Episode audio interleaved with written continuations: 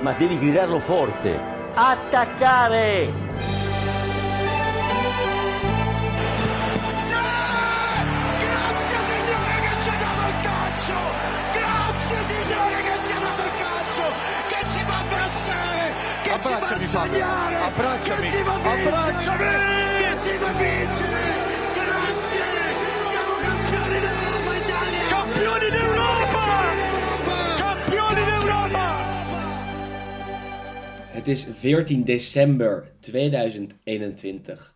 Kwart over elf om eh, precies te zijn. En Wesley Victor Mak in Frankrijk en ik, Willem Haak, in Nederland zitten er weer klaar voor. Met de Zeker. podcast over Italiaans voetbal. dus dat is een mooie internationale eh, samenwerking wat dat betreft. Hoe is het Wes? Ja, prima. Het is hier goed weer. Ik weet niet hoe het in, eh, in Nederland is de laatste dagen. Maar ik zit hier gewoon lekker met een zonnetje in mijn rug. Blauwe lucht. Uitzicht. Zit nee, je dat- buiten? Nee, ik zit, wel, ik zit net niet buiten. Er zit eh, een heel klein gordijntje tussen. Maar ook qua temperatuur is het prima eigenlijk. En het raampje Dus, kan eh, open. Het raampje kan open. Het raampje staat open. Fantastisch. Perfect. Ja, dat kan hier wel echt niet, eerlijk gezegd. In eh, de kerker in Amsterdam, waarbij alles super donker en nat is. Dan blijf ik maar liefst, eh, het liefst de hele dag binnen, denk ik. Wat Maar dat betreft ook niet gek dat jij je natuurlijk ook een beetje verplaatst richting Italië in het weekend. Nee, zo is het. Er staan weer wat mooie tripjes op de planning. Gisteren natuurlijk de Champions League loting geweest. Eh, ja, en daar moet ik bij zijn, Wes, bij Inter Liverpool. Want eh, nou, daar komen we straks nog even over te spreken, denk ik. Wat daar allemaal misging en wat dat voor, voor shock veroorzaakte in Huizen Haak. Hè? Dat geloof maar, ik. eh, laten we denk ik gewoon even beginnen bij de Daar komen, we, daar komen we straks op inderdaad. Precies, want, want Isaac heeft natuurlijk zijn column ook over de Champions League loting gehad. En wij hebben afgelopen weekend weer hartstikke veel gekeken naar eh, de Italiaanse potjes. Juriaan kijkt straks alvast even vooruit naar het komende speelweekend. Maar onze taak om even de gebeurtenissen van afgelopen eh, weekend na te bespreken, denk ik. Eh hebben het afgelopen week veel over de afgelopen weken veel over de titelstrijd gehad. Laten we daarom vandaag even beginnen bij Genoa Sampdoria, Wes. Want dat was de derby, de derby della Lanterna van afgelopen vrijdagavond.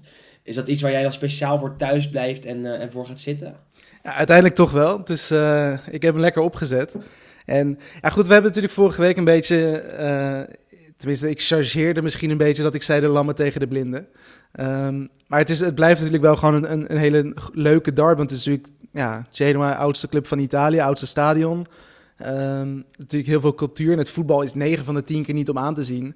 Maar juist ook dit seizoen, omdat beide ploegen eigenlijk voor geen meter draaien tot nu toe. eh, maakt het natuurlijk wel heel interessant om te zien wie er uiteindelijk dan als winnaar van het veld stapt. Ja, Ehm, en, ja, en uiteindelijk, als we even het, het, het scoreverloop erbij pakken, was dat eigenlijk vrij eenvoudig uiteindelijk Sampdoria. Ehm, en dat, ja, die wonnen met, eh, met, met 1-3, twee doelpunten van Gabbiadini, waarbij uiteindelijk de derde nog eh, een eigen doelpunt, of werd omgeturnd tot eigen doelpunt. van Van Maar het, was, maar het was eigenlijk was het een hele ja, vrij simpele wedstrijd. En dat, ja, we hebben vorige keer natuurlijk ook over Shevchenko gehad. Ehm, De trainer van ja. Genoa, die er natuurlijk nu vier, vijf weken zit. En een eerste doelpunt. het is niet best. eerste doelpunt dat, dat onder hem werd gemaakt was ook helemaal niets waard. Want toen stond het al 0-3 voor Sampdoria. Eh, en, en Destro maakt die 1-3 in de 78ste minuut. Wat uiteindelijk dus ook de eindstand is. En dan juicht hij wel keihard naar de harde kern. En zegt, kom op, het kan nog. Daarna kopt, eh, ik geloof, Vasquez van Genoa ook nog op de paal. Dus het, misschien had het nog wel gekund. Het, wonder van, eh van Marassi. Gebeurde uiteindelijk niet, want het werd 1-3 voor Samp. Eh, grote man aan de kant van Samp, Gabbiadini of, of meer Kandreva weer? Nou goed, Kandreva is natuurlijk sowieso belangrijk eigenlijk al het hele seizoen. Maar nu de laatste, wat is het, wedstrijdje of twee, drie denk ik, dat Gabbiadini weer een beetje op, op stoom is beginnen raken. En dat blijft natuurlijk ook wel een, een fijne, ja echt een, een bomber die provincia eigenlijk. Hè? Want het is, het is geen, ja technisch gezien is het vaak niet al te best. Wel een Ehm, goede, goed linkerbeen, vind ik. En hij scoort ook niet heel vaak, maar het is inderdaad ook vooral een beetje een cultfiguur. Mede doordat hij natuurlijk ook uitziet alsof hij elke dag drie pakken check rookt en eh, op zo'n tafeltje bij de, bij de tabakkerie staat ergens. Het is, hij ziet natuurlijk ook gewoon totaal niet uit als een, ja, als een topsporter. En dat, dat helpt natuurlijk ook wel mee in het, in het heeft- hele cultfiguur zijn, zeg maar. Hij heeft wel veel pech gehad in zijn carrière. Heel Ja, vaak geblesseerd geweest. Elke keer dat hij op het punt stond om door te breken, raakte hij redelijk zwaar geblesseerd. Eh, komt van, eh, vanaf Atalanta uit de jeugd daar. Eh, en bij Napoli echt wel een tijdje verdienstelijk tweede spits geweest. toen hij ook van Samp kwam. Maar via Engeland uiteindelijk toch weer teruggekomen in, of bij, de, bij de ploeg waar hij nu ook zit, bij Samp dus. Maar elke keer als hij dan wat laat zien, het is een soort Dybala, dan, dan, dan raakt hij weer geblesseerd. dat is toch, toch zonde. Het is zomaar. En nu, eh, ja, het was eigenlijk, dat is dan uiteindelijk jammer dat hij zijn tweede goal tussen aanhalingstekens dus een eigen doelpunt werd van eh Zinho van Heusden. Hij was er boos Eh, over hè, op Twitter. Ja, maar tuurlijk. Maar het, het mooie was natuurlijk ook, hij was net gewisseld. Ehm, dus hij zat al op de bank. Nou, toen werd de VAR-check dus gedaan om te zien of het inderdaad een doelpunt was. En toen werd hij goedgekeurd. Dus iedereen, alle statistici, die dachten al gelijk van het wordt eh, de eerste speler ooit die zeg maar een doelpunt goedgekeurd ziet worden terwijl hij zelf niet meer op het veld staat. Uh-huh, ja, ja, ja. Want dat was ook nog nooit gebeurd in de Italiaanse competitie. Uh, en uiteindelijk bleek dan toch via de wedstrijdleiding dat het uh, een eigen doelpunt, uh, eigen doelpunt was. Nou, uiteindelijk, als je de beelden zag, was het ook wel terecht. Want die bal ging oorspronkelijk denk ik niet eens tussen de palen. Nee, denk, maar, ik, ik dacht dat hij misschien wel in het hoekje zou, zou zijn beland. Maar waarschijnlijk hebben ze er lijntjes naast gelegd. Ja, en precies. Oké, okay, ja, dan, dan moet het een eigen eh, goal van Van Heusden zijn. Nee, dus ja, maar het is inderdaad wel een, een, sowieso een, een, leuke speler. En ik denk, en het mooie is natuurlijk ook wel, wat het hele verhaal eigenlijk, wat Sampdoria natuurlijk de laatste, nou, wat is het, week, anderhalve week een beetje ja. heeft bezig gehouden, was natuurlijk dat uh, Massimo Ferrero, de, de voorzitter, uh, gearresteerd is. En hij was eigenlijk van plan om uh, Roberto D'Aversa, dus de trainer van Sampdoria, de laan uit te sturen.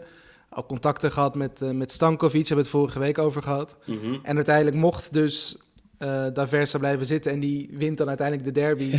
en nu, nu staat dan opeens de halve stad staat dan weer achter hem. En die, en dat die is bedankte ook de weer... ook Ferrero, hè? Ja, maar dat is het mooie.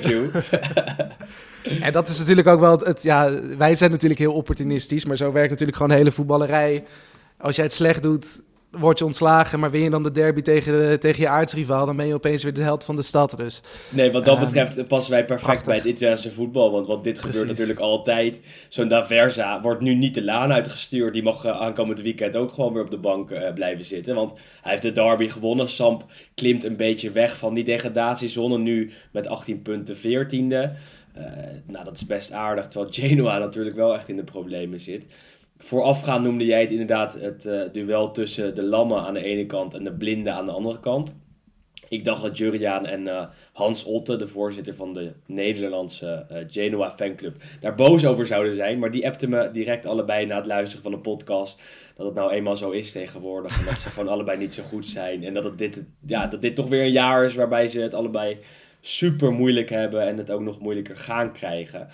Uh, ja, Genoa toch wel een beetje hopeloos. Hè? Nog even het laatste over die, uh, die wedstrijd. Ja, maar goed, we zeggen natuurlijk eigenlijk al het hele seizoen dat dat... Of eigenlijk al een paar seizoenen natuurlijk, dat het een... Op een gegeven moment gaat het gewoon een keer mis. En het is natuurlijk ook best wel lastig, lijkt me, om daar sowieso te spelen. Want je hebt ieder seizoen komt er... Nou, gevoelsmatig komen er gewoon twintig nieuwe spelers staan er in die selectie. Um, het zijn vaak heel veel exotische verrassingen. Uh, waar, ja, je mist of ook niet dus. Ah, of niet, maar je gebruikt dus heel veel, um, of tenminste, je hebt heel veel te maken natuurlijk ook met spelers die dan de competitie niet, niet, niet kennen, niet gewend zijn. Um, en dan natuurlijk ook altijd, dat zal dan hopelijk vanaf nu een beetje veranderen, maar altijd natuurlijk uh, op, op trainersgebied is het een kerkhof geweest.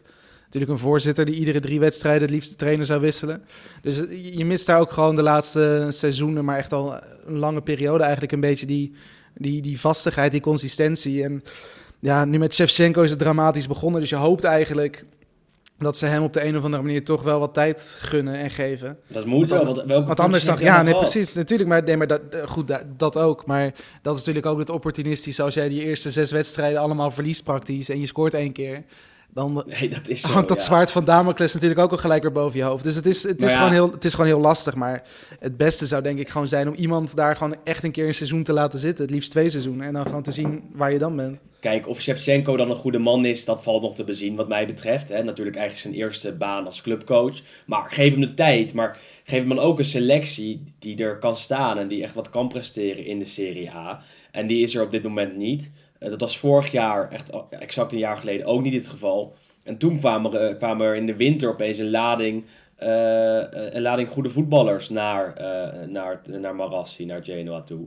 Dus ja, wat dat betreft is er hoop. Ook met de nieuwe eigenaar, zodat er toch wel weer wat geld in gaat worden geïnvesteerd. Ben ik benieuwd welke namen dan toch die kant op gaan om Genoa toch in, in de Serie A te houden. bizarre daar vind ik nog dat zij in het verleden negen keer kampioen zijn geworden. En kun je echt je voorstellen. tientallen jaren op die, op die eerste ster wachten. Nou, dat ga- gaat nog wel even duren op deze manier. Misschien in de Serie B, maar dan krijg je geen sterretje erbij, eh, erbij bijgeschreven.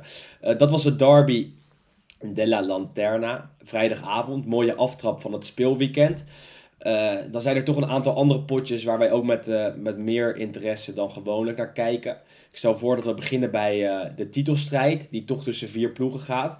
Misschien nog wel meer dan eh, een week geleden, want eh, iedereen is toch weer dichter bij elkaar gekropen. We hebben een nieuwe koploper, maar laten we even beginnen bij eh, de oude koploper, bij Milan. Dat op bezoek ging bij Udinese. Udinese dat vorige week haar trainer ontsloeg.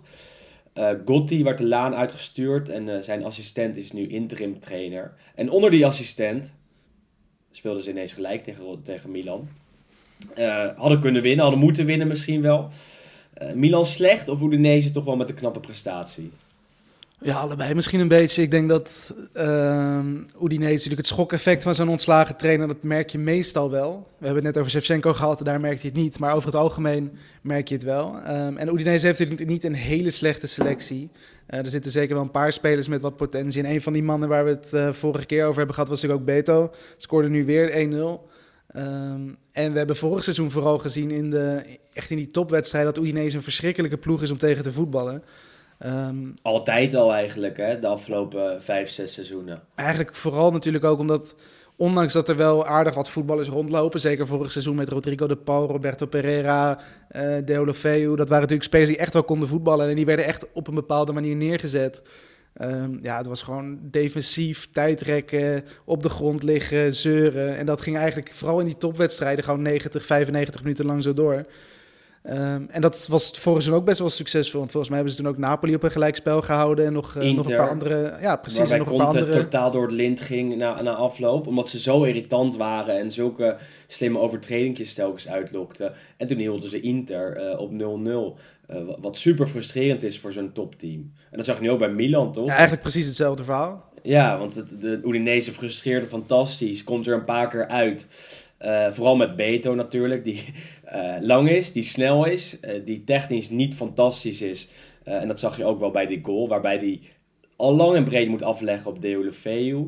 Uiteindelijk zelf met een slapschot probeert te scoren. Dat lukte niet. In de rebound ook nog niet, want daar zat Tomori tussen. En in de derde poging lukte toen wel. Dus na 17 minuten was het 1-0 voor Udinese. Milan daarna probeert aan te zetten, maar dat, dat, dat lukte ze echt voor geen meter, omdat Udinese verdedigend heel hecht stond. Met Bram Nuitink als, als aanvoerder, natuurlijk ook oud Anderlecht eh, centraal in de verdediging. Eh, maar die liet toch één steekje vallen in de 90ste minuut. En als je één steekje laat vallen bij Zlatan, dan scoort hij ook op zijn 40ste nog gewoon. Want het was exact dezelfde goal als, eh, als vorig jaar tegen Udinese. Een, een, een soort halve omhaal, waardoor het toch nog 1-1 werd. Eh, Milan nu eh, echt heel weinig punten uit de afgelopen duels. Acht uit de afgelopen zes. Ja, goed. En dat, ik zag inderdaad ook dat statistiekje voorbij komen. Dat, Milan is natuurlijk echt wel achteruit gegaan. Maar als je ook ziet Napoli, want daar moeten we dan gelijk maar naar door, Ja, we die pakken. Ja. Dat die het ook verschrikkelijk slecht hebben gedaan, die laatste zes wedstrijden. Want volgens mij de enige, tenminste de top drie van de laatste zes duels... is op één Inter volgens mij, dan Atalanta en dan Juventus. Dus dat zegt Ja. ook al genoeg misschien. Terwijl Juventus ook veel steekjes laat vallen. Daar komen we zo ja. nog over te spreken. Maar Napoli en Milan, ehm, als we exact een maand geleden erbij pakken, waren nog de twee te kloppen ploegen. Hadden, Hadden nog niet eens verloren volgens mij toen. Nee, en toen kwam eh, Napoli op voorsprong in San Siro tegen Inter. Na, na ik geloof 10 minuten met Zielinski. En op dat moment stond het 10 punten voor op Inter. Eh, nu zijn we een maand later, of nog niet eens een maand. En ze staan eh, al vier punten achter op Inter. Dat wel wisten ze winnen, daar komen we zo nog op. Maar eh, Napoli en Milan laten dan toch op zo'n manier liggen. Als we dan naar Napoli kijken, wat, wat dan daar de oorzaak van? Alleen blessures of ook echt, echt een, een, een, een hele slechte serie? Dat je denkt, jeetje jongens, van Empoli moet je toch kunnen winnen. Want nu verloren ze met 0-1, met, met, met wat pech ook natuurlijk. Maar Ja, Ja, ja het, het, is- het is ook bij Napoli een beetje hetzelfde verhaal natuurlijk. Het repeterende verhaal van de laatste weken. Natuurlijk veel blessures. En als je dan inderdaad ook dus gaat, punten gaat verspelen. Want ze hebben dus inderdaad eh, zes punten geloof ik uit de laatste zes wedstrijden.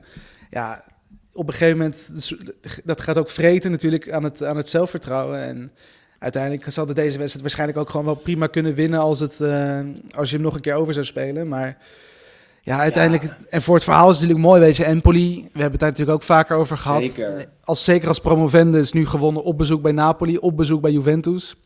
Dat zijn natuurlijk ook gewoon prachtige resultaten voor die ploeg. Alleen, zeker vanuit het oogpunt van dit seizoen zou het misschien wel eens kunnen gaan gebeuren voor Napoli. Is natuurlijk heel pijnlijk als je dit soort wedstrijden verliest.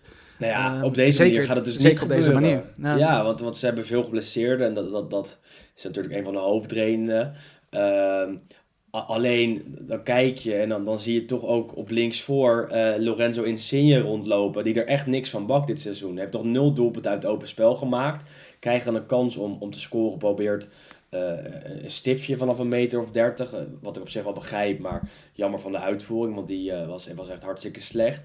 Eh, en dat baart toch heel veel zorgen, eh, de vorm van, van hem. Want dat was toch de afgelopen jaren zeker in de helft van de wedstrijden een speler waarop ze konden bouwen. En dit jaar echt voor geen meter, want hij bakt er echt helemaal niets van. Heeft het dan ook met die contractverlenging te maken? Want zijn verbindenis loopt aan het eind van het seizoen af. Hij wordt in verband gebracht eh, met onder meer Inter, maar nog het meest met Toronto. Waarbij hij dan lekker zou gaan rentenieren, mag je dat zeggen, als je naar de MLS Ja, gaat. toch wel, toch wel een beetje. Hè? Het, is wel iets veranderd volgens mij, die MLS. Want sowieso, ik heb afgelopen weekend trouwens ook, dat was eh, eh, tegelijk met Udinese Milan, heb ik op een dubbel scherm heb ik ook naar de MLS-finale gekeken. Oh ja, en op, ja. en op zich, qua, qua voetbal was het echt niet slecht. En ik pak wel eens eh, midden in de nacht nog een ander wedstrijdje mee uit Amerika. En dat, het, het niveau is er wel omhoog gegaan. Ehm, maar goed, ja, kijk, Lorenzo Insigne, het is gewoon een international. Hij heeft natuurlijk eh, gigantisch veel wedstrijden en doelpunten gemaakt in de Serie A en in Europa voor Napoli. En je verwacht toch wel dat er veel meer in zit. En zeker dit seizoen eh, valt het inderdaad gewoon enorm tegen. En ik neem aan dat natuurlijk ook wel die contractsituatie en het feit dat daar natuurlijk gesteggel over is en ruzie over is. En veel geruchten aan alle kanten. En ik, het zal niet makkelijk zijn, maar je verwacht van iemand van zijn kaliber verwacht je wel meer. En ik denk dat het ook gewoon heel normaal is dat je daar meer van mag verwachten. Is hij een overschatte Eh, speler? Het is denk ik een, ehm, ja, niet per se overschat, maar het is wel een beetje zo'n mooi weervoetballer. Je hebt niet het gevoel dat als het slecht gaat met de ploeg, dat hij dan echt eh, de leider kan zijn, zeg maar, of de persoon kan zijn die zijn schouders eronder zet en die zijn ploeg uit het slop trekt. Een soort Memphis misschien. Ja, goed, je hebt natuurlijk meer van dat soort spelers, hè, maar Ja, Ja. Maar, maar het is de eerste voetballer die, die, die een Ja. beetje met, met de gelijke ehm, trekjes overkomt. Of Ja, want ik denk als hij inderdaad speelt in een ploeg in een Napels wat fantastisch draait, dan maakt hij ook iedere wedstrijd, scoort hij wel een keer en doet hij een paar mooie dingen. Maar inderdaad, als er echt gestreden en gevochten en, en eh, ja, dan, dan is hij gewoon niet de man, zeg maar. En zeker nu natuurlijk ook alweer een paar jaar ouder, maar ik denk dat je veel meer van hem mag verwachten dan wat hij laat zien. En op dit moment zou je Napoli bijna begrijpen dat ze zeggen van nou, we gaan je niet nu een nieuw contract geven met nog meer salaris, want Zo is het. Ja, nergens En op bij- gebaseerd. Bij Napoli toch jammer, want donderdag wel in de Europa League natuurlijk gewonnen van Leicester. Knappe, knappe winst met 3-2. Hadden het wel heel lastig, maar je ziet toch dan toch de effecten op, op eh, de spelers. Dat ze dan toch misschien een beetje moe zijn op de zondag tegen, tegen Empoli. Want eh, ja, je zag het er toch aan af dat ze Europees hadden gespeeld. Aan de andere kant natuurlijk Empoli, dat nu maar twee punten achter Juve staat na 17 speelronden. Op een achtste plek. Ja, ja, ik pro- probeer niet altijd Juve erbij te betrekken. Maar, Nou, maar het is wel super knap hè, wat ze daar doen. En wat Andrea Zoli, de trainer, daar voor elkaar krijgt. Eh, en, en wat ze laten zien ook. Want ze proberen toch ook altijd wel een beetje te voetballen met de interessante spelers die ze in huis hebben. Eh, iemand vroeg aan ons, is dit dan de grootste verrassing in de Serie A van de afgelopen tien jaar? Moeilijke vraag, vond ik. Ja, maar ook gewoon denk ik, omdat natuurlijk je zit echt halverwege het seizoen, of nog niet eens eigenlijk. Ehm, dus, dus ik vind echt een verrassing, kun je eigenlijk pas zeggen aan het einde van het jaar. Kijk, als ze dit volhouden, dan is dat zeker de grootste verrassing in de Mhm. laatste 10, 20 jaar. Maar we hebben natuurlijk ook nog een keer een seizoen gehad dat, dat Cagliari bovenaan stond, een paar weken. Dus, en dat was ook niet zo heel lang geleden. heel goed gedaan, ook niet Dus zo lang geleden. Wat dat betreft, het is niet. Nee, ja, precies. Nee, dus het is niet ja, heel erg uniek in de zin van. Eh, er is nog nooit een promovendus geweest die eh, goed is gestart aan het seizoen. Maar ehm, ik denk zeker in combinatie met het spel, wat ook gewoon echt goed is, Ja, ehm, is dat gewoon heel knap. Want als je puur naar de selectie kijkt. Ja, ik denk de gemiddelde voetbalfan kent misschien vijf spelers. En, als het er veel, en dat zijn er al veel misschien. eens, dat zijn er al te veel, denk ik. Ik denk als je het aan, Ehm. aan een van mijn vrienden eh, vraagt, die, die niet echt vaak naar de. die wel geïnteresseerd zijn in voetbal, maar niet super geïnteresseerd in de Serie A. Dan kunnen ze er nul noemen. Ik denk Nou, letterlijk nul. Misschien Coutrone. Die kent iedereen wel, toch? Ja, ja, ja, ja. Nou, goed, Milan, Milan als nieuwe Inzaghi werd genoemd. Nou, dat valt ook vies tegen met twee doelpunten uit 14 wedstrijden weer dit jaar. Maar eh, nee, voor de rest toch niemand. Ja, Pinamonti, maar dat is, dat is al iemand die wij kennen. En als je, ik heb nu de selectie even voor me, even naar de namen kijkt. Ja, dan, dan, dan, dan, dan zijn er een paar die voor ons eruit springen. Zoals zo'n ook zo'n... eh, eh, waar staat die? Bayrami natuurlijk. En Samuele Ricci, Ricci Zurkowski. is Dat zijn wel mooie talent. spelers natuurlijk. Maar VT, die ook in de, in de belangstelling staat van een paar grote elftallen, grote teams. Dat zijn stuk voor stuk talentvolle spelers, waar wij dan met, met interesse naar kijken. Maar ik denk zelfs in Italië heel veel mensen eh, niet. Waar- Waarvan ze denken, ja oké, leuk Empoli, maar ik kan niet eh, de hele van of de hele basiself van ze opnoemen. Eh, des te knapper is dat ze natuurlijk op een achtste plek staan na 17 speelrondes, bijna de helft van de competitie. Nog wel wat puntjes nodig om die handhaving veilig te stellen, denk ik. Hè? Want als ze nu totaal instorten, dan eh, ja, zie je een Genoa dat na de winter nog misschien is gerenoveerd, of een Cagliari, hetzelfde verhaal, ze nog inhalen. Maar wel absoluut knap na bijna de helft van de Serie A. Wat ook knap is, is eh, Atalanta, waarbij ze eh, daar enorm goed aan het draaien zijn. Al zes keer op rij hebben gewonnen in de Serie A. Midweeks in de Champions League natuurlijk wel uitgeschakeld door Villarreal. In eigen huis met eh 2-3 verloren. Nadat ze met 3-0 achter stonden na, eh, na, na een van tijd eigenlijk. Dat, dat, je, dat je echt al dacht dat het voorbij was. Uiteindelijk toch nog 2-3 geworden. Wel uitgeschakeld nu eh, naar de Europa League. Maar ze herpakte zich wel in de Serie A. Met 1-2 gewonnen bij Atalanta. En de winnende van Teun Koopmeiners. dat is sowieso mooi. En het is de eerste keer volgens mij in de clubgeschiedenis dat ze zes uitwedstrijden op rij winnen. Dus die kunnen ze in de zak steken. Maar ik- ja, als je ook de wedstrijd zag, het is niet dat ze heel erg verdiend wonnen gevoelsmatig. Eh, Want eh, Verona vraag. heeft echt heel veel kansen gehad. En ik Heb je zitten bijna- kijken? Heb ik heb- tijdens de Formule 1? Maar ik heb, geen- ik, ik heb niks met dat skelteren, joh.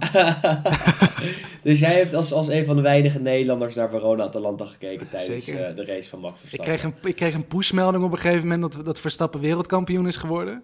Of was geworden. En eh, toen heb ik wel eventjes die laatste, nou, vanaf ronde 57 is dat geloof ik. Ja. Ene laatste ronde heb ik hem even terug, teruggespoeld op eh Ziggo Go. Mhm. Dus toen heb ik dat stukje gezien, maar het, het boeit me echt totaal niet. Dus gewoon Verona-Atalanta Ik heb jou. gewoon Verona-Atalanta gekeken hoor, geen ja. probleem. Eh, netjes, Daar, daar, daar, daar word ik gelukkiger van. ja, terecht. Nee, maar daar wat? Nee, je zag eigenlijk... eh, ja, ik vond Verona heel goed spelen. Kwamen op voorsprong natuurlijk via Simeone. Eh, toen daarna een paar goede reddingen van Moussa. Anders had het misschien echt al voor rust 2 of 3-0 gestaan. Ehm, en aan de andere kant, eerst volgens mij... Ik weet niet of dat eerst was of na de eh, gelijkmaker nog Pasalic op de paal. De voor was het inderdaad. Ehm, maar ook in de tweede paal. helft eigenlijk Verona bijna de hele tijd de, de, de grootste kansen gekregen. En uiteindelijk het, het schot van Koopmeiners is dan wel de winnende. Maar er zat, ook veel, er zat ook veel geluk bij. Want die bal ging volgens mij via de voet van... eh, was het Tameze of... eh, Ja, Tamese, ja. ik denk ja, het wel. Hè? ja. Dus Maar uiteindelijk ja, 1-2. Maar het is, het is knap van Atalanta. Maar ja, ik vond Het- ze nou niet overtuigen zoals ik ze wel heb zien overtuigen dit seizoen. Nee, maar het valt natuurlijk ook har- hartstikke goed eh, de goede kant op voor ze op dit moment. Maar dat is wel de kwaliteit van een kampioenskandidaat. Want de afgelopen jaren eh, wonnen ze zulke soort potjes dan niet. Ik geloof dat ze ook twee jaar geleden hè, lang meededen om de titel. En toen toch gelijk speelden bij Verona. Dan is dit een mooie, mooie eh, meting om te kijken hoe ver ze nu zijn. En dat is toch wel een stapje verder. Want eh, een van de kenmerken van een titelkandidaat of van een mogelijke Scudetto-winnaar is toch die lastige potjes winnen. En, en dat doen ze dan toch bij Verona, wat wel goed in vorm is de afgelopen weken eh, onder Tudor. Eh, wat wel interessant is, vind ik, is, is, is die speeltijd voor Koopmeiners. Want hij begon aan het seizoen als bankzitter, zou langzaam worden gebracht en misschien wel het eerste half jaar heel rustig komen, een kwartiertje spelen, half uur spelen. Maar staat nu toch steeds vaker in de basis en, en maakt toch steeds vaker minuten en is toch steeds vaker eh, beslissender. Eh, kan hij al 100% meedraaien in dat elftal? Is hij al, echt al een man die eh, nou ja, misschien wel Freuler kan vervangen in de basiself van, van Gasparini? Ja, ik denk het zeker wel. Hij heeft nu 13 wedstrijden gespeeld, geloof ik. Ehm, het zijn er zelfs meer dan Freuler op dit moment. Martin de Roon volgens mij ook 13. En eigenlijk de andere spelers die daar op het middenveld staan, eh Pessina bijvoorbeeld, die heeft veel minder minuten gemaakt dan, dan Koopmijn. Dus dat zegt natuurlijk ook wel iets. Pessina, Europees kampioen, vorig seizoen heel goed, uh, een heel goed seizoen gedraaid. Wel geblesseerd geweest al een tijdje. Natuurlijk, maar het, is, het, het zegt ook wel iets over het feit dat uh, ze toch een relatief jonge speler, zeker een jonge nieuwkomer als, uh, als Koopmijners... Uh, dat ze daar al zoveel op vertrouwen eigenlijk. En hij betaalt natuurlijk ook wel met zijn traptechniek, assist, nu een paar doelpunten. Hij betaalt ook wel terug. En dat is natuurlijk ook wel heel knap gelijk voor hem. En uh, het mooie is natuurlijk, uh, de Nederlandse competitie is niet per se in Italië een heel erg hot item. Ik denk dat weinig mensen, misschien buiten Ajax, Feyenoord en PSV, de Nederlandse competitie überhaupt uh, kennen. De basiself uh, van uh, FC Utrecht kunnen ze niet ik, ik denk het niet. En het mooie is nu ook, ja, naarmate Koopmijners meer en beter gaat spelen, dat er ook steeds meer journalisten dan naar die transfer kijken. Dat ze denken van hoe heeft Atalanta het nu weer voor elkaar gekregen dat ze zo'n topspeler ergens vandaan hebben gehaald voor relatief weinig geld. 14 miljoen euro. Nou, en dat voor een ja. basisspeler nu. Dat is, dat, is, dat is drie keer niks. Nee, en dan kunnen ze straks nou, als ze zich gewoon weer voor de Champions League kwalificeren, dan heb je die investering er al uh, lang en breed uitgehaald. Zeker als hij nu veel minuten blijft maken en, indruk maakt. Want dat doet hij ook met, met het verplaatsen van het spel, uh, met uh, zijn slimmigheden. En nu ook met zijn binnende goal tegen Verona. Wat natuurlijk niet hetgene is waarvoor hij is gehaald, maar wat wel lekker meegenomen is. Want ze wonnen met 1-2 en staan nu op een derde plek. nog wel achter Milan en achter de nieuwe Capolista, de nieuwe koploper, Inter dat zondagavond uh, tegen Cagliari speelde. Cagliari de afgelopen seizoenen telkens zielig slecht. En dit seizoen nog zielig slechter. Want ze staan inmiddels op een uh, 19e plek met 10 punten uit 17. Pakken er niks van. Hebben weinig spelers waarvan je zegt super interessant. Behalve João Pedro en Nandes, denk ik. Uh, en dat zag je ook wel tijdens Inter Cagliari. Want het werd 4-0. waarbij Inter eigenlijk wel met nou, laten we niet overdrijven, met 7-0 had kunnen en moeten winnen. ja, makkelijk. toch? Ja, want uh, zoveel kansen. En, en, er waren elf reddingen van Canio, de Cagliari-keeper, voor nodig om uh, Inter van, van vaker scoren af te houden. Uh, is het dan toch wel iets waar we naar moeten kijken en van moeten zeggen, zo Inter super indrukwekkend? Of is het ook zo van, ja, Cagliari, dat bakt er zo weinig van. 4-0, goed meegenomen, niks aan de hand. Uh, een mooie drie punten voor de Nerazzurri. Nou goed, zo moet je denk ik sowieso wel zien. Maar het, je hebt natuurlijk wel een verschil hoe je zo'n wedstrijd ook benadert. En uh, ik denk zeker als je ziet hoe uh, bijvoorbeeld Juventus uh, tegen de kleinere ploegen punten heeft laten liggen. Hoe in andere competities, ja, Ajax bijvoorbeeld ook tegen kleinere ploegen natuurlijk punten laat liggen. Dat zijn wel... Um, qua motivatie zijn dat kan ik begrijpen dat het lastige wedstrijden zijn. Alleen Inter, hoe die er nu in gingen tegen Cagliari, waar je natuurlijk helemaal niks van mag verwachten van een Cagliari. Inter klapte wel vol op en die blijven ook gewoon echt gaan. Want je, je zou ook kunnen zeggen, je staat redelijk, relatief vroeg, kom je op voorsprong. Dan gaat de storm een beetje liggen, maar... Mm -hmm. Je hebt eigenlijk het gevoel gehad dat Inter gewoon de hele wedstrijd praktisch uh, vol gas bleef geven. En het is inderdaad een klein wonder dat het maar 4-0 was. Want penalty gemist. Volgens mij een bal ja, op de God. paal of op de lat nog um, Alexis Van Sanchez. Alexis, ja, ja. ja, ik bedoel, ik denk alleen Alexis Sanchez had al een hat kunnen maken. Dus dat, dat zegt denk ik al genoeg. Maar ja, als je ook kijkt naar de penalty, uh, als we dan toch één, één hoofdstukje eruit kunnen pakken. Die neemt Lautaro Martinez weer en uh, die heeft het toen al gemist tegen Milan. Heeft al in het verleden vaak laten zien geen penaltynemer te zijn. Uh, waarbij ik hem echt niet hoef uit te leggen hoe je een penalty neemt. Maar uh, ik denk dat je hem echt moet mikken. En hij racht hem altijd maar gewoon op doel de, de hoek in. Uh, en vaak weet de keeper nu waar hij hem gaat schieten. Want hij kiest eigenlijk altijd dezelfde hoek. Uh, en dat is nu ook weer het geval. Waarbij hij hem gewoon op doel racht. En Kanjo makkelijk kan redden. Wel een knappe redding daar niet. Een makkelijke redding. Een, een goede redding. Een goede penalty redding was het.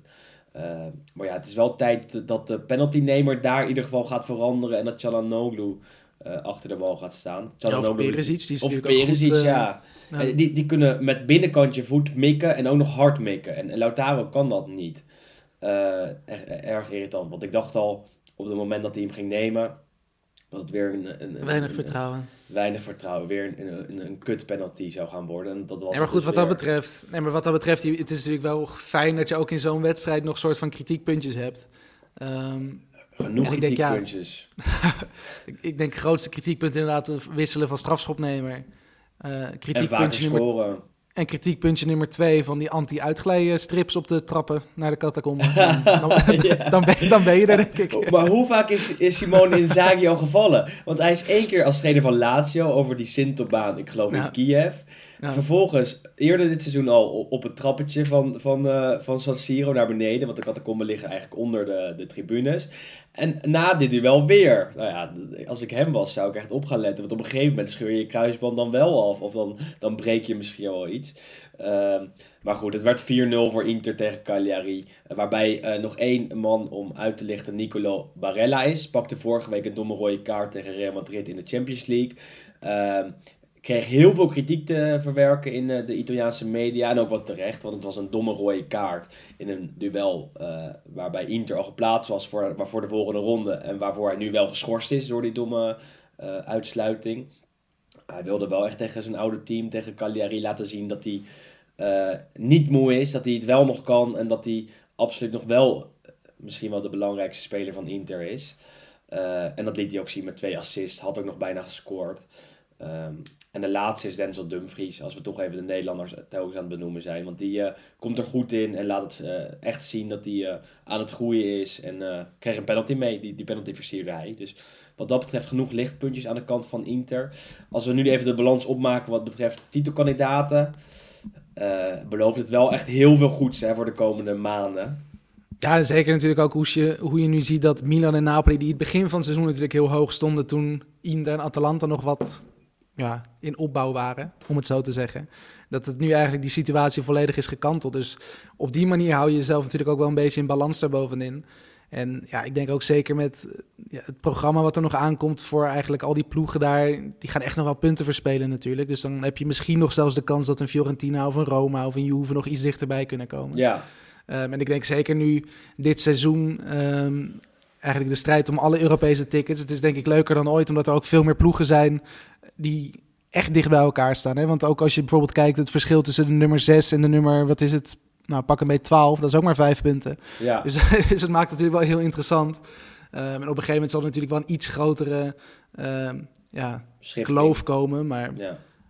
tot nu toe is het, eh, is het zeker geen, eh, geen vervelend seizoen, denk ik, voor de neutrale kijker. Met veel goals en veel spanning. En dat is hartstikke lekker. Eh, en, en nu kunnen we Inter wel als titelfavoriet bombarderen. Maar die hebben in januari en februari echt een gigantisch moeilijk programma.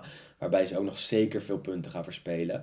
Eh, even langs de andere potjes. Dan hebben we nog de column van Isaac. Kijken we even naar die mislukte Champions League loting van gisteren. Eh, ook naar de Europa League en Conference League natuurlijk. En hebben we nog een column van Juriaan van Wessem over de kraker van aankomend weekend. Milan tegen Napoli. Echt een eh, absolute topduel. Maar eerst even kijken naar een absolute topspits. Want Fiorentina had Dusan Vlahovic weer, eh, nou niet nodig, maar die eh, hadden Dusan Vlahovic weer om ze bij de hand te nemen tegen Salernitana. Want hij was weer fantastisch hè. Ja, had er weer zin in. En ja, het is, het is, we vallen een beetje in herhaling om door iedere week te zeggen dat hij Nee, misschien wel de precies. speler van de week zou zijn of dat het een topspits is. Dat is denk ik in- intussen wel duidelijk. En het is inderdaad ja, de vraag waar hij speelt dan, eh, in de tweede helft van het seizoen. Want ja, op deze manier, hij, is, hij is gewoon letterlijk bijna niet meer te houden. En ik denk dat er genoeg ploegen zijn, ook binnen Italië. En dan kijk ik vooral naar Juve, die doelpunten nodig hebben. Ehm, Als ze hem kunnen betalen. En dat, en dat is inderdaad het, nee, precies, en dat is eigenlijk het enige punt. Ehm, ho- ja, hoe beter hij nu die eerste seizoen zelf draait natuurlijk, hoe meer geld hij moet kosten, hoe moeilijker het is voor een andere ploeg. eh, Hij staat om, op eh, 15 goals. ja, het is, het is ongelooflijk. En ook als je zijn leeftijd erbij pakt, Ja. ja, dit is wel echt een unieke, unieke prestatie, denk ik. En hij, stond volgens mij, hij staat nu volgens mij nu op 32 doelpunten in 2021. Het record, nou, een beetje in de moderne periode van de Serie A, maar dat is ook Ja. al een jaar of 60. De enige die dat meer deed was Ronaldo vorig seizoen, die had er 33. ja. Nou goed, er komen volgens mij nog twee wedstrijden aan. Dus normaal gesproken gaat hij daar overheen. En dan heeft gewoon een jochie van, eh, van 21 heeft het praktisch het Italiaanse eh, record vast. Ja, dat is, dat is Als ongelooflijk. hij zo doorgaat wel. En bij Fiorentina sowieso reden voor, eh, voor geluk, reden voor optimisme. Want eh, ze gaan zich ook in de winter versterken met Iconé van eh, Lille. Wat een eh, hele interessante buitenspeler is. Berardi wordt nog altijd genoemd van Sassuolo. Dus wat dat betreft is er licht aan het eind van de tunnel van, voor Fiorentina. Want de afgelopen vijf, zes jaar natuurlijk heel erg slecht geweest. Dit jaar goed bezig met Italiano, met wat interessante mooie namen in het basiselftal, waarvan uh, Vlaovic de beste en de grootste naam is.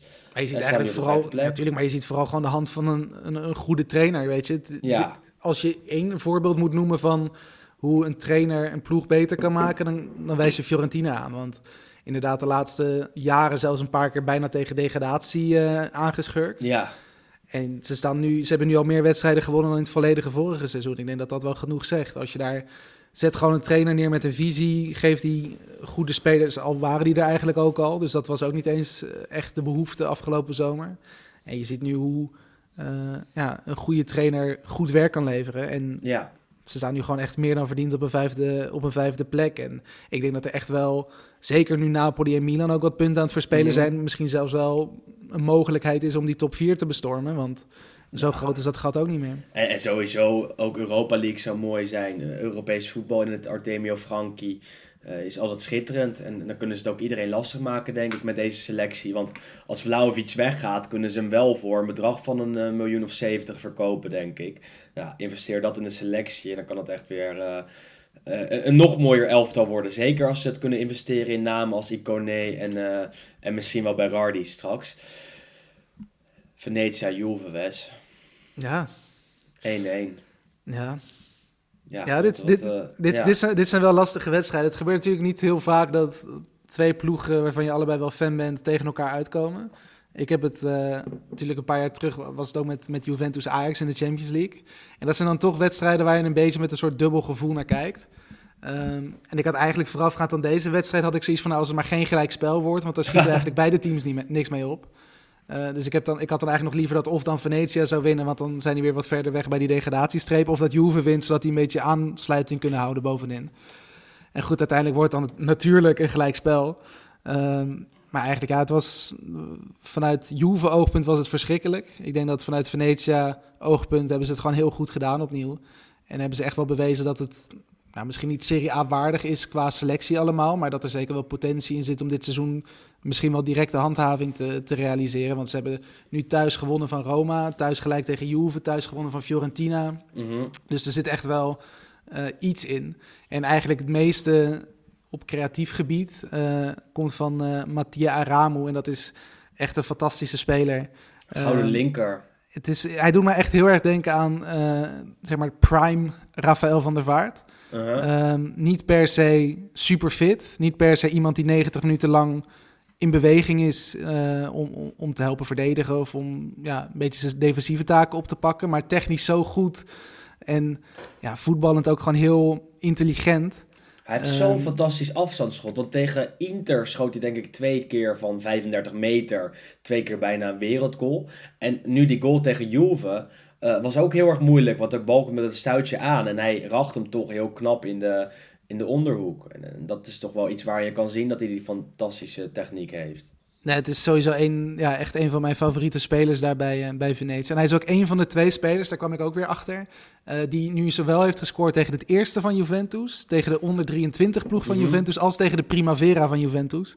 Hij komt, uit hij komt uit de jeugd van Torino. Daar heeft hij eh, één Serie A-wedstrijd gespeeld. Maar toen heeft hij in ieder geval gescoord tegen de onder 19 van Juve. Nou, sinds een paar jaar heb natuurlijk de onder 23 ploeg van Juventus in de Serie C. Daar heeft hij ook tegen gescoord. En dan nu op het allerhoogste niveau tegen, ja, tegen Juve, de gelijkmaker. En het gebeurt natuurlijk niet vaak dat er überhaupt Serie A voetbal is in het Penzo.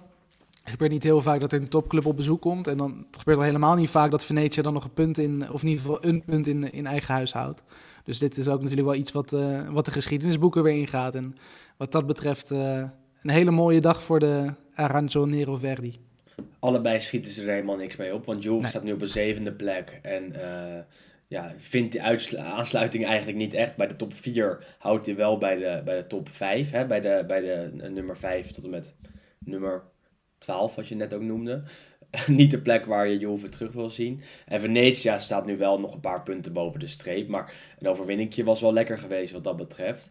Eh, nog één ding dat je uit wil lichten bij, die, bij de wedstrijd? Of eh, gaan we door naar Torino tegen Bologna?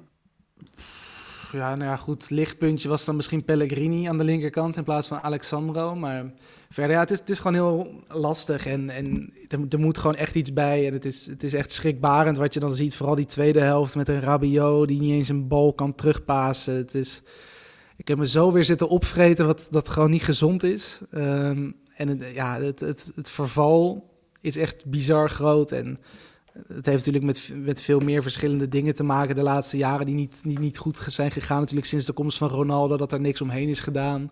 Natuurlijk sowieso weinig geld was vanwege onder meer Ronaldo om überhaupt te investeren. Natuurlijk Marotta die van Juve naar Inter is gegaan, wat natuurlijk ook een hele grote factor altijd is geweest in het succes.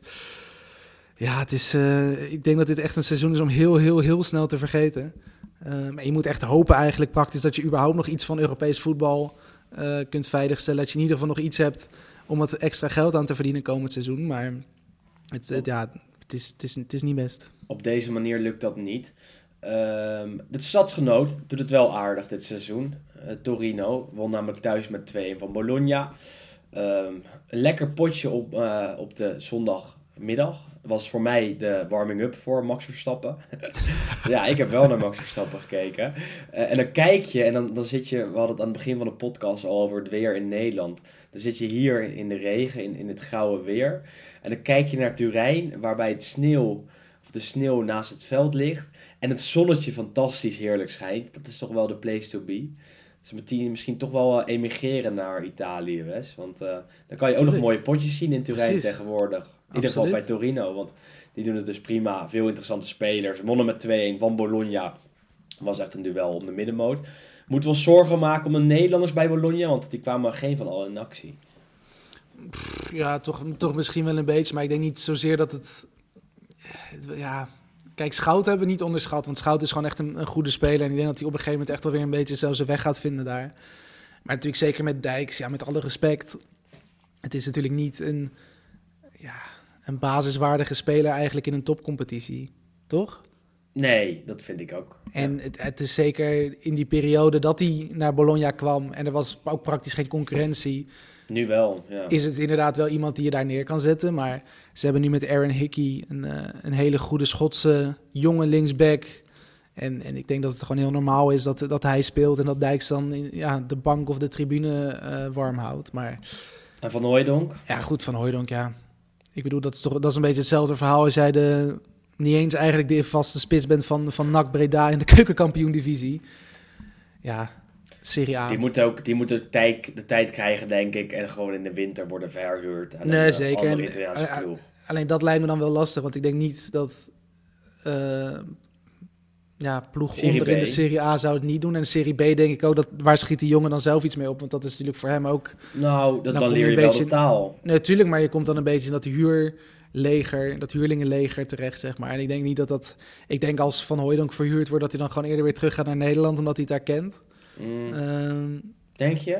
Ik, ja, ja. Ik, ik, denk het wel gevoelsmatig. Hè? Maar voor hem, wat je zegt, het zou beter zijn om gewoon lekker in Italië te blijven en een beetje de... Bij Cittadella of iets dergelijks. Gewoon lekker ja, zo de voetbalcultuur een beetje ja, In de middenmoot of op een subtop van de Serie B. De cultuur kennen, de taal leren en de voetbalcultuur uh, aanleren. Die natuurlijk in Italië anders is dan, dan in, uh, in Nederland. Uh, ja, wel, wel, wel een speler die kan doorgroeien, denk ik tot een, tot een redelijk goede spits bij Bologna. Uh, maar ja, dat is ook moeilijk om te voorspellen. Uh, Bologna verspeelde in ieder geval punten voor de tweede week op rij verloren. Uh, Lazio deed het ook weer, want die verloren met 2-1 bij Sassuolo op zondagmiddag. Waarbij uh, Domenico Berardi, eerder al genoemd als mogelijke Fiorentina aanwinst, fantastisch was weer.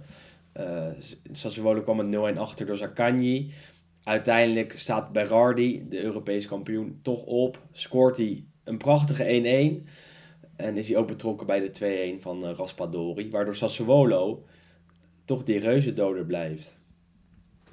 Ja, ja, dat, ja toch? ja, en jij hebt ze alleen tegen de topteams. Ja, precies. Je hebt ze vorige week natuurlijk... Nou, allebei hebben ze een beetje gedownplayed dat het natuurlijk heel wisselvallig is. En het blijft natuurlijk wel komisch om te zien hoe ze inderdaad tegen topteams dan wel kunnen presteren. En blijkbaar wel die, die focus hebben.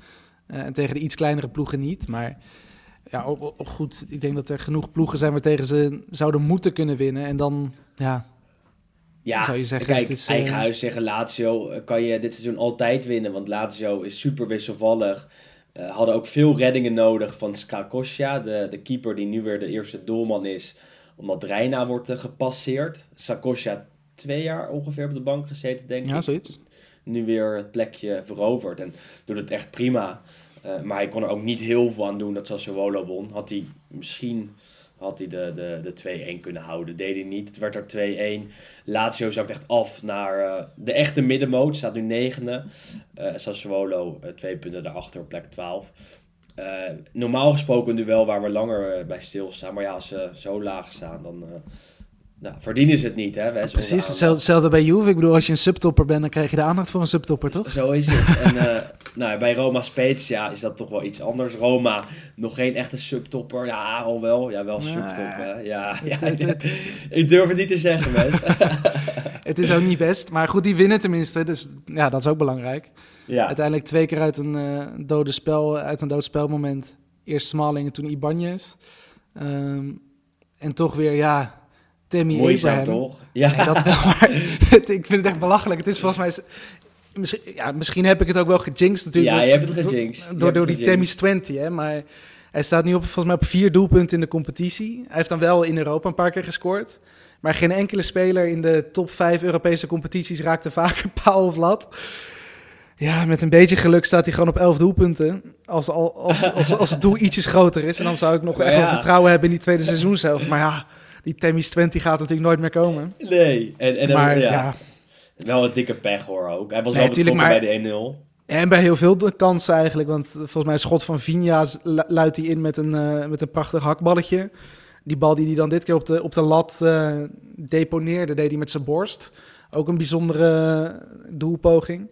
Ja, dus je ziet echt wel dat er heel veel talent van uitgaat. Alleen het is wel, ja, je vraagt je toch af wat er dan misgaat dat je zo vaak pech hebt. Want ja, dat is bijna, het, is, het is bijna niet, niet, niet menselijk, zeg maar. Het is, het is enorm zonde, maar ze wonnen wel met 2-0 van Spezia. Uh, José Mourinho tegen zijn oud pupil, Thiago Motta. Uh, en hij zag zijn nieuwe pupil een domme rode kaart pakken. A la Palotelli bijna, zou je zeggen. Uh, maar daar heeft het ik, ik, vond dit, ik vond dit wel heftig, want eigenlijk de eerste gele kaart kon hij echt niks aan doen. Nee, oké. en dan nu dan krijg, je, en dan krijg je een bal, ja, hij neemt hem mee met zijn arm en hij, en hij scoort. Ja, hij nam hem wel ook, ik vind mee dat, met zijn arm. Nee, ja, maar ja, ik vind dat dan ook wel zwaar om dan daar geel voor te geven en een tweede gele kaart voor te geven. Ik bedoel... Bij Roma was ik ook heel erg verbaasd, want het was ook in de 90ste minuut. De wedstrijd al lang gespeeld. Het gaat voor de duidelijkheid om Felix. Zeggen we dan Felix Afena? Felix Afena Gian? Het, ik, Felix. Het is wat, dus, wat zeggen we dan? Het is Jan. Jan. Dus dat, dat is hoe je het uitspreekt. Maar volgens mij, tenminste, de Italiaanse commentatoren hebben het altijd over gewoon Felix Avena. Jan. Ja, of Felix gewoon, toch? Wat jij wil. Ja, wat, dat precies. We bepalen het zelf, hoe, hoe het in Nederland gebeurt. Roma won met 2-0 van Spezia. En dat is ook de inleiding van Isaac van Achelen. Die natuurlijk weer een column voor ons heeft ingesproken vanuit Italië. Isaac, podium is van jou.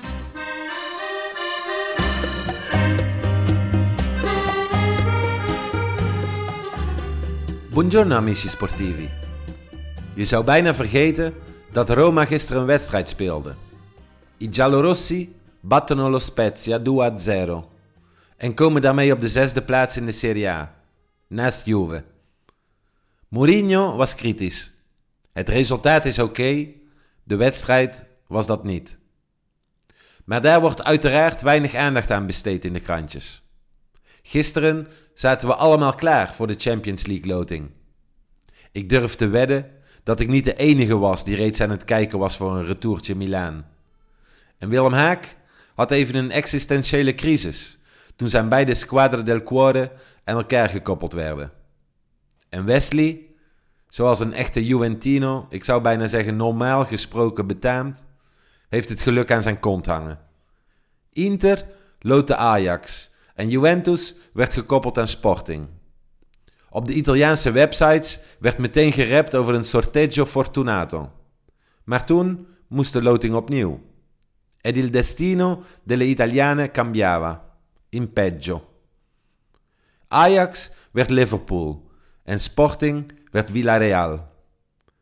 De kranten konden zich uitleven deze ochtend. Diversi giochi di parole sulle prime pagine. In Gazzetta dello Sport, che giramento di palline, clamoroso, il sorteggio ripetuto penalizza l'Inter, dall'Ajax al favorito Liverpool. In tutto sport, Champions, sorteggio farsa, figuraccia dell'UEFA a Nio.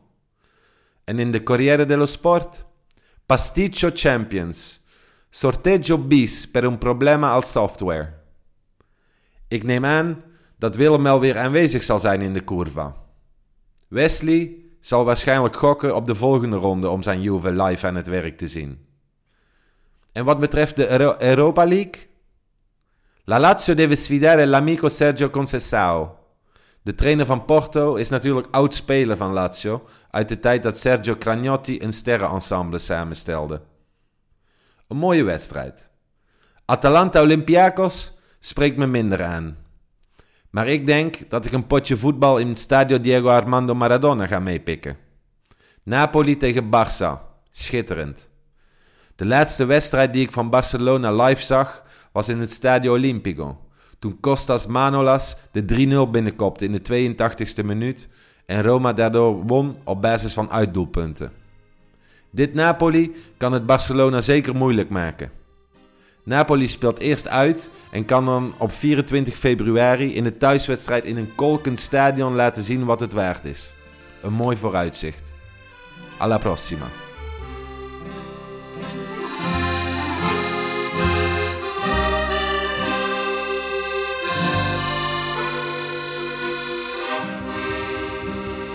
Ja, Wes. Ik had hier kippenvel al. Na de loting. De Ja. eerste loting. De eerste loting. dat, kan, dat kan ik begrijpen. Nee, het, het was echt, ja... Ik was aan het bellen op dat moment. En, en ik zag, ik had op mijn, op mijn kleine schermpje had ik even de loting aangezet. Maar ik was gewoon aan het werk. Eh, Dus aan het bellen. En opeens zie ik Ajax uit de koker komen. Dus ik denk, oké, oké, oké. En toen Inter, of andersom. Toen dacht ik, ja, dit is toch, toch prachtig. Maar ja, Ja, door de neus geboord, hè. wat een amateurisme. Ja. Ja, goed, aan de ene kant... ehm, wat, we hebben, ik heb natuurlijk net ook al gezegd, Ajax Juve in, wat was het, 2018, 19 was dat geloof Ja. ik, dat seizoen. Het is niet altijd even leuk als je beide lievelingsploegen zeg maar, tegen elkaar spelen. Uh-huh. Ehm, ja, hoe, hoe zou jij dat doen? Ik bedoel, zou jij dan echt fanatiek juichen voor de een ten koste van de ander? Zeg maar, dat, ik moet zeggen, ik vond die wedstrijd vond ik echt heel lastig. Terwijl natuurlijk voor heel veel Kijk, Nederlandse Ajax, dat was natuurlijk gewoon een, de mooiste wedstrijd ooit. Want Juve natuurlijk verschrikkelijke ploeg ja. eh, verslaan we. Maar ik zat daar echt heel erg neutraal eigenlijk. Ik heb volgens mij bij geen een van die doelpunten echt kunnen juichen... of er echt van kunnen genieten dat een van mijn twee ploegen door zou gaan. Ik probeer nooit aan de oppervlakte te brengen dat ik voor Ajax ben. Maar ja, de luisteraars die horen het nu toch. Ehm, dus eigenlijk voorafgaand aan die loting dacht ik, ja, ik hoop, ik hoop niet dat ze tegen elkaar ko- komen. En toen gebeurde het toch en dan, dan, dan ben je toch wel enthousiast. Want dan denk je, ja, eh, eindelijk een keer weer tegen elkaar. Ik geloof dat de laatste keer een officiële wedstrijd 15 jaar geleden is. Eh, en, in die tijd was ik nog niet echt, echt de fan van Inter.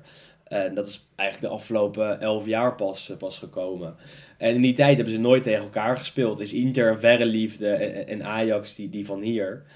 Ehm, en als ze dan tegen elkaar komen, dan, dan is het toch wel leuk om dat een keer te zien, denk ik. Maar ja, het gaat nu niet gebeuren. Ehm, Nou, voorlopig niet, hè? voorlopig niet. Voor, ja, maar ja, eh, weet, uiteindelijk eh, eh, was het ook voor ons goed geweest als het wel Inter-Ajax was geweest, denk ik. Werktechnisch. Maar goed, dat, dat was het niet. Het is uiteindelijk in de Champions League... eh, nou, hoe ik, ik, hoe- ik, ik had denk ik... eh, ik kreeg ook de vraag eh, voor wie ik had gejuicht. Dat weet ik niet. Ik denk, ik weet het niet. Dat, dat is een moeilijke vraag. Gevoelskwestie. Gevoelskwestie. Dat zie je op, ja. het, zie je op het moment zelf. dat zie, zie je op het moment zelf. Ik was wel, als het goed is, naar allebei de wedstrijden gegaan. En zoals ik al zei, heb ik nu alsnog een eh, ticket naar Milaan geboekt. Met de grote vraag of er dan nog fans op de tribunes mogen zitten. Want Inter speelt midden februari tegen Liverpool. dat is toch wel een moeilijkere loting dan tegen Ajax. Eh, Sterker nog, eh, een, misschien wel een onmogelijke loting. Eh, maar wel een, ja, twee mooie duels, een mooi affiche tussen twee echte topteams. Waarbij Inter zich eh, kan meten met de echte wereldtop, wat Inter zelf natuurlijk niet is. Kans? Ja, eh, klein. ja. Helaas, ja. Je verwacht natuurlijk sowieso natuurlijk, ja, met dit, dit soort lotingen altijd dat het natuurlijk ook voor de Italiaanse ploegen een beetje gunstig uitpakt. En met Liverpool is het natuurlijk wel vrij ja, toch wel misschien de moeilijkste eh, denkbare loting die ze er nu uiteindelijk uit hebben gehaald. Ehm, ja, lastig. Ja, heel lastig. Ik denk dat, eh dat Inter niet doorgaat, omdat Liverpool zo goed is. Eh, en ze ook tegen Milan zelfs met een B-team nog wonnen. Juve heeft het makkelijker tegen Villarreal. Ehm, goed te doen, toch? Zou je zeggen. Maar ja, Nou, zou je zeggen misschien wel. Nee, precies. Maar dat, dat is ook gelijk het hele punt. Die loten eerst tegen Sporting. Toen had ik er iets meer vertrouwen in dan tegen Villarreal misschien. Eh, Sporting natuurlijk twee keer gezien eh, tegen Ajax en dat leek helemaal nergens op. Ehm, en goed, Villarreal, we hebben ze tegen Atalanta gezien, speelt ze best wel goed. En het is natuurlijk echt wel een bekerploeg, zeker met, eh met Emery natuurlijk. ja het Maar is ja, en, moeilijk. en je, kan, je, je kan gewoon letterlijk geen vertrouwen hebben in, in, op een goede afloop met dit, met dit Juventus. Dus ik hou me hard vast dat het daar niet ja, weer misgaat. Want het zou natuurlijk een prachtige zijn in het rijtje met Ajax, Porto, Lyon. Ja, zet Villarreal Nou ja. er maar bij hoor. Precies, en, en Villarreal was, was echt wel een stukje beter dan Atalanta in de, in de Champions League. En Atalanta is weer een stukje beter dan Juve in de Serie A. Dus eh, misschien wel te makkelijk, maar als je het zo bekijkt, dan eh, wordt het eh, nog hartstikke moeilijk. In de Europa League, Lazio Porto, Napoli Barcelona en Atalanta Olympiakos. Eh, waarbij Napoli Barcelona er absoluut uitspringt, hè? de derby van Maradona. Ja, dat is natuurlijk heel mooi. De mooiste van alle, alle duels, vind ik eigenlijk. Ja, dat is natuurlijk wel het leuke nu met die, omdat je drie toernooien hebt, dat je nu ook met zo'n soort tussenronde zit. Want gevoelsmatig, zeker in die Europa League tussenronde, zitten wel een paar hele mooie, eh, mooie clubs met, met Dortmund, Barcelona, Napoli. Dat zijn natuurlijk wel teams die je graag ook tegen elkaar wil zien. En wat dat betreft is die hele toevoeging van die Conference League al wel een, eh ja, nee, noemen, een zegen geweest. Want het zorgt natuurlijk en voor meer wedstrijden en, en, daardoor ook meer kansen voor zowel Nederlandse als Belgische als Italiaanse ploegen. En voor betere Ehm, teams in de Europa League, voor mijn ja. gevoel. Wa- wa- Wat je zo kan zien met, met een duel als Napoli-Barcelona. Ja, dat is echt zelden gebeurd, gebeurd in de Europa League, denk ik. Alhoewel, ja, Barça is dit seizoen natuurlijk niet fantastisch. Maar de affiche is fantastisch. Ehm, daar gaan we goed voor zitten, denk ik. Conference League, Roma eh, is daar eerste geworden, dus stroomt een eh, ronde eh, later in, toch? Dat, Ja. kunnen we zo Zo stellen. simpel is het. Aankomend weekend gewoon weer Serie A potjes. Eerst dit, dit, deze midweek nog Coppa Italia. Is toch niet zo interessant. Maar aankomende speelronde in de Serie A hebben we twee echte krakers. En één daarvan, daar besteedt Juriaan van Bessem mooi aandacht aan deze week.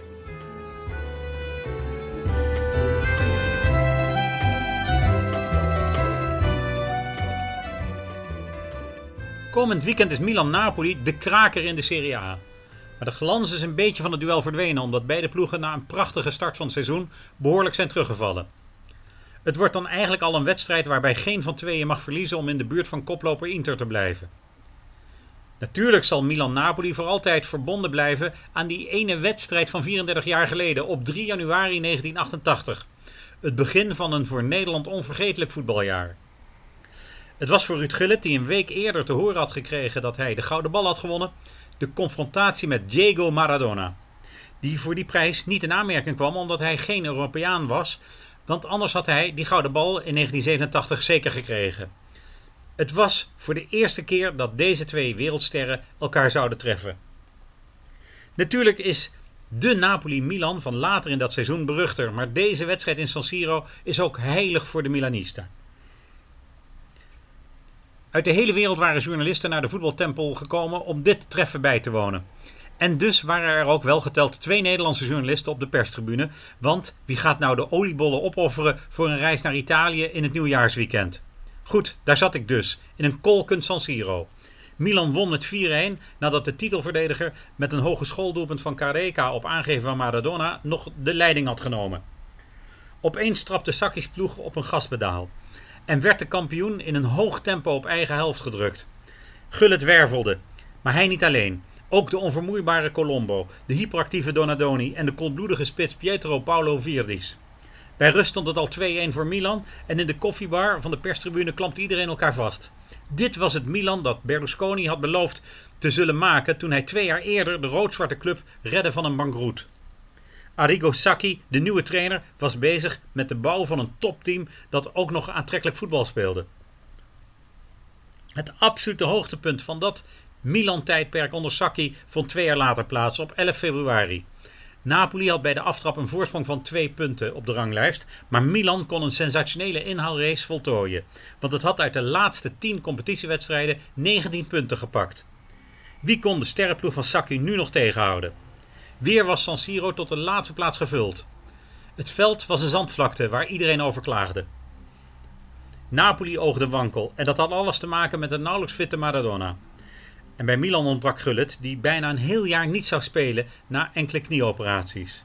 Marco van Basten was inmiddels de veldkapitein van Milan geworden, maar de echte ster op deze grijze, mistige middag was Frank Rijkaard.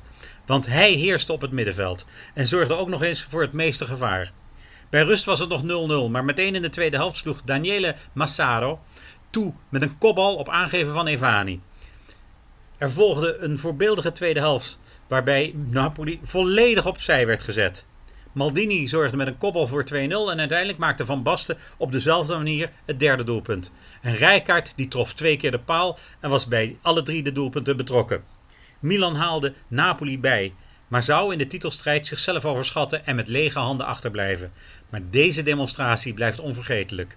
Waarschijnlijk heeft Milan onder Sacchi geen betere wedstrijd gespeeld.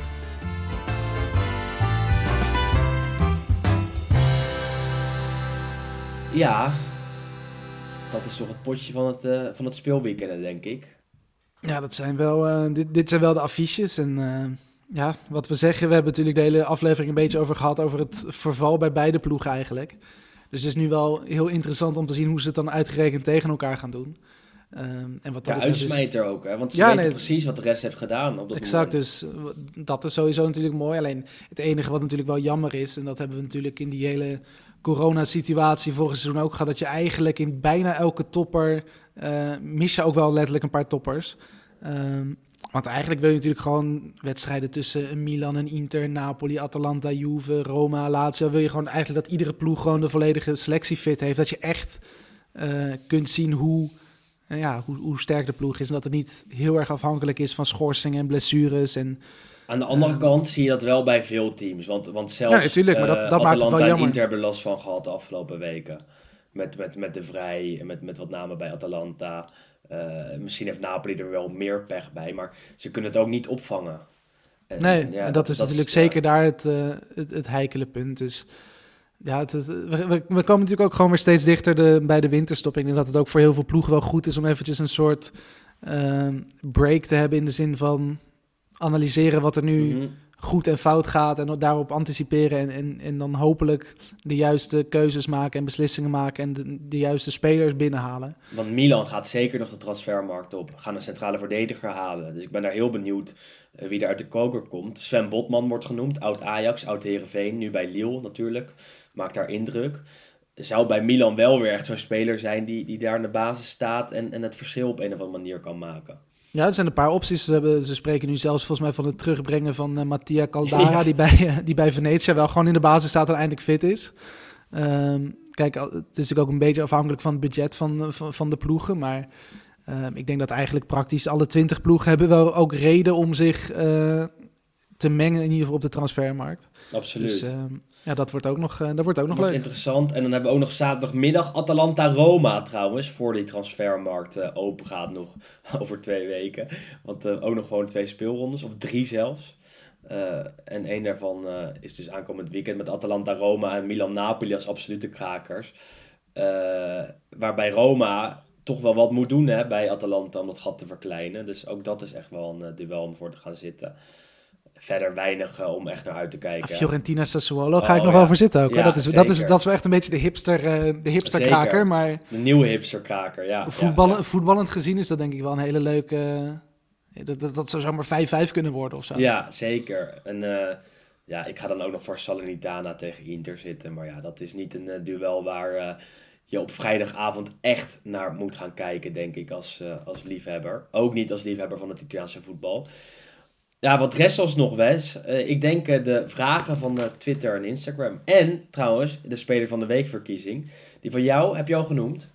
En die van jou heb je ook genoemd. Die van mij is Mattia Aramu. Dat, ja. kon niet anders. De Italiaanse Rafael van der Vaart. Laten we hem eventjes zo eh, noemen voorlopig. Dan weet iedereen waar we het over hebben. En die van mij is Manolo Gabbiadini van Sampdoria, die afgelopen weekend het verschil maakte namens Sampdoria tegen Genoa, dus eerder uitgelicht deze podcast. Ja, daar moet je natuurlijk gewoon op stemmen. Eh, die, die stemming gooien we op Instagram en op Twitter vanmiddag. Dus eh, nou ja, kan je zelf bepalen wie eh, onze speler van de week gaat worden deze week. Vorige week was het Giovanni Simeone, de week ervoor Dries Mertens. Dus ja, een van deze twee namen kan zich in dat rijtje aansluiten. Zal ik de Instagram vragen doen en jij de Twitter vragen? Yes, prima. Allebei één of twee? Ja, ga jij maar eerst.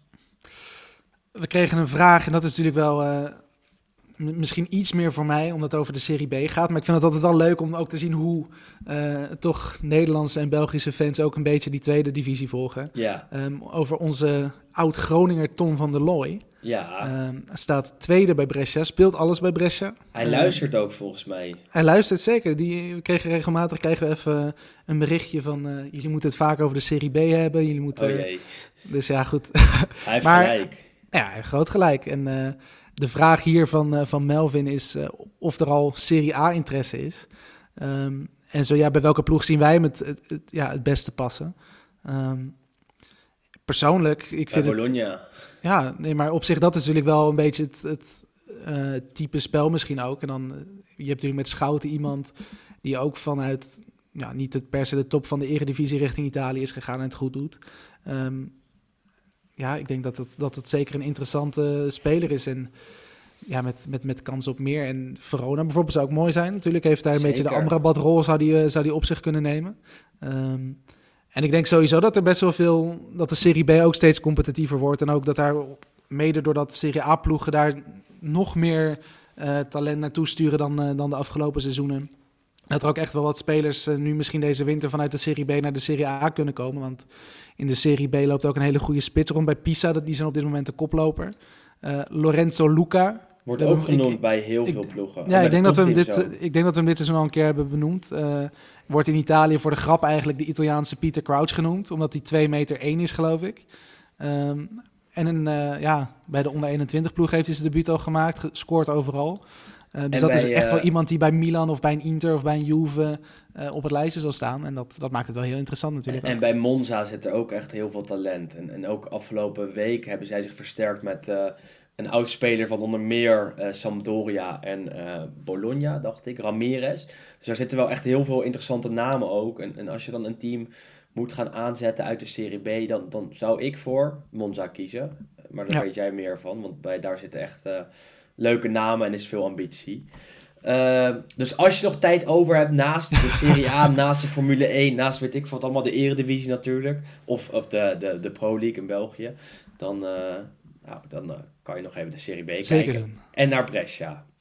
Ehm, ik heb weinig vragen, Wes, eerlijk gezegd. Eh, Een kleine kritiek, een kleine kritiek, een klein kritiekpuntje op de luisteraars, want er zijn weinig leuke vragen op, eh, op Instagram die we eh, nog niet hebben behandeld. Dus wat dat betreft eh, kan het vorige, volgende week weer beter. Precies. Ja. Nou, laten wij hem lekker afsluiten. Ja, wij sluiten hem af. Volgende week zijn we er natuurlijk weer. Wes zit dan nog in Frankrijk, dus het is weer online. Veel te bespreken, want er staan aankomend weekend mooie potjes op het programma. De week daarna blikken we natuurlijk terug op het jaar. Heb je daar suggesties, hints, tips, trucjes voor? Misschien wel een eh, idee voor een gast? Laat ons dan vooral weten via de sociale media kanalen. Instagram en Twitter zijn er natuurlijk de nummers 1 in. Eh, we bedanken natuurlijk de mensen van Microphone Media, waarbij we terugkomen in januari. Eh FC Afkikken ook, Friends of Sports, altijd. En wij horen en zien en luisteren en weet ik wat jullie volgende week allemaal heel graag terug. Tot dan. Tot de volgende.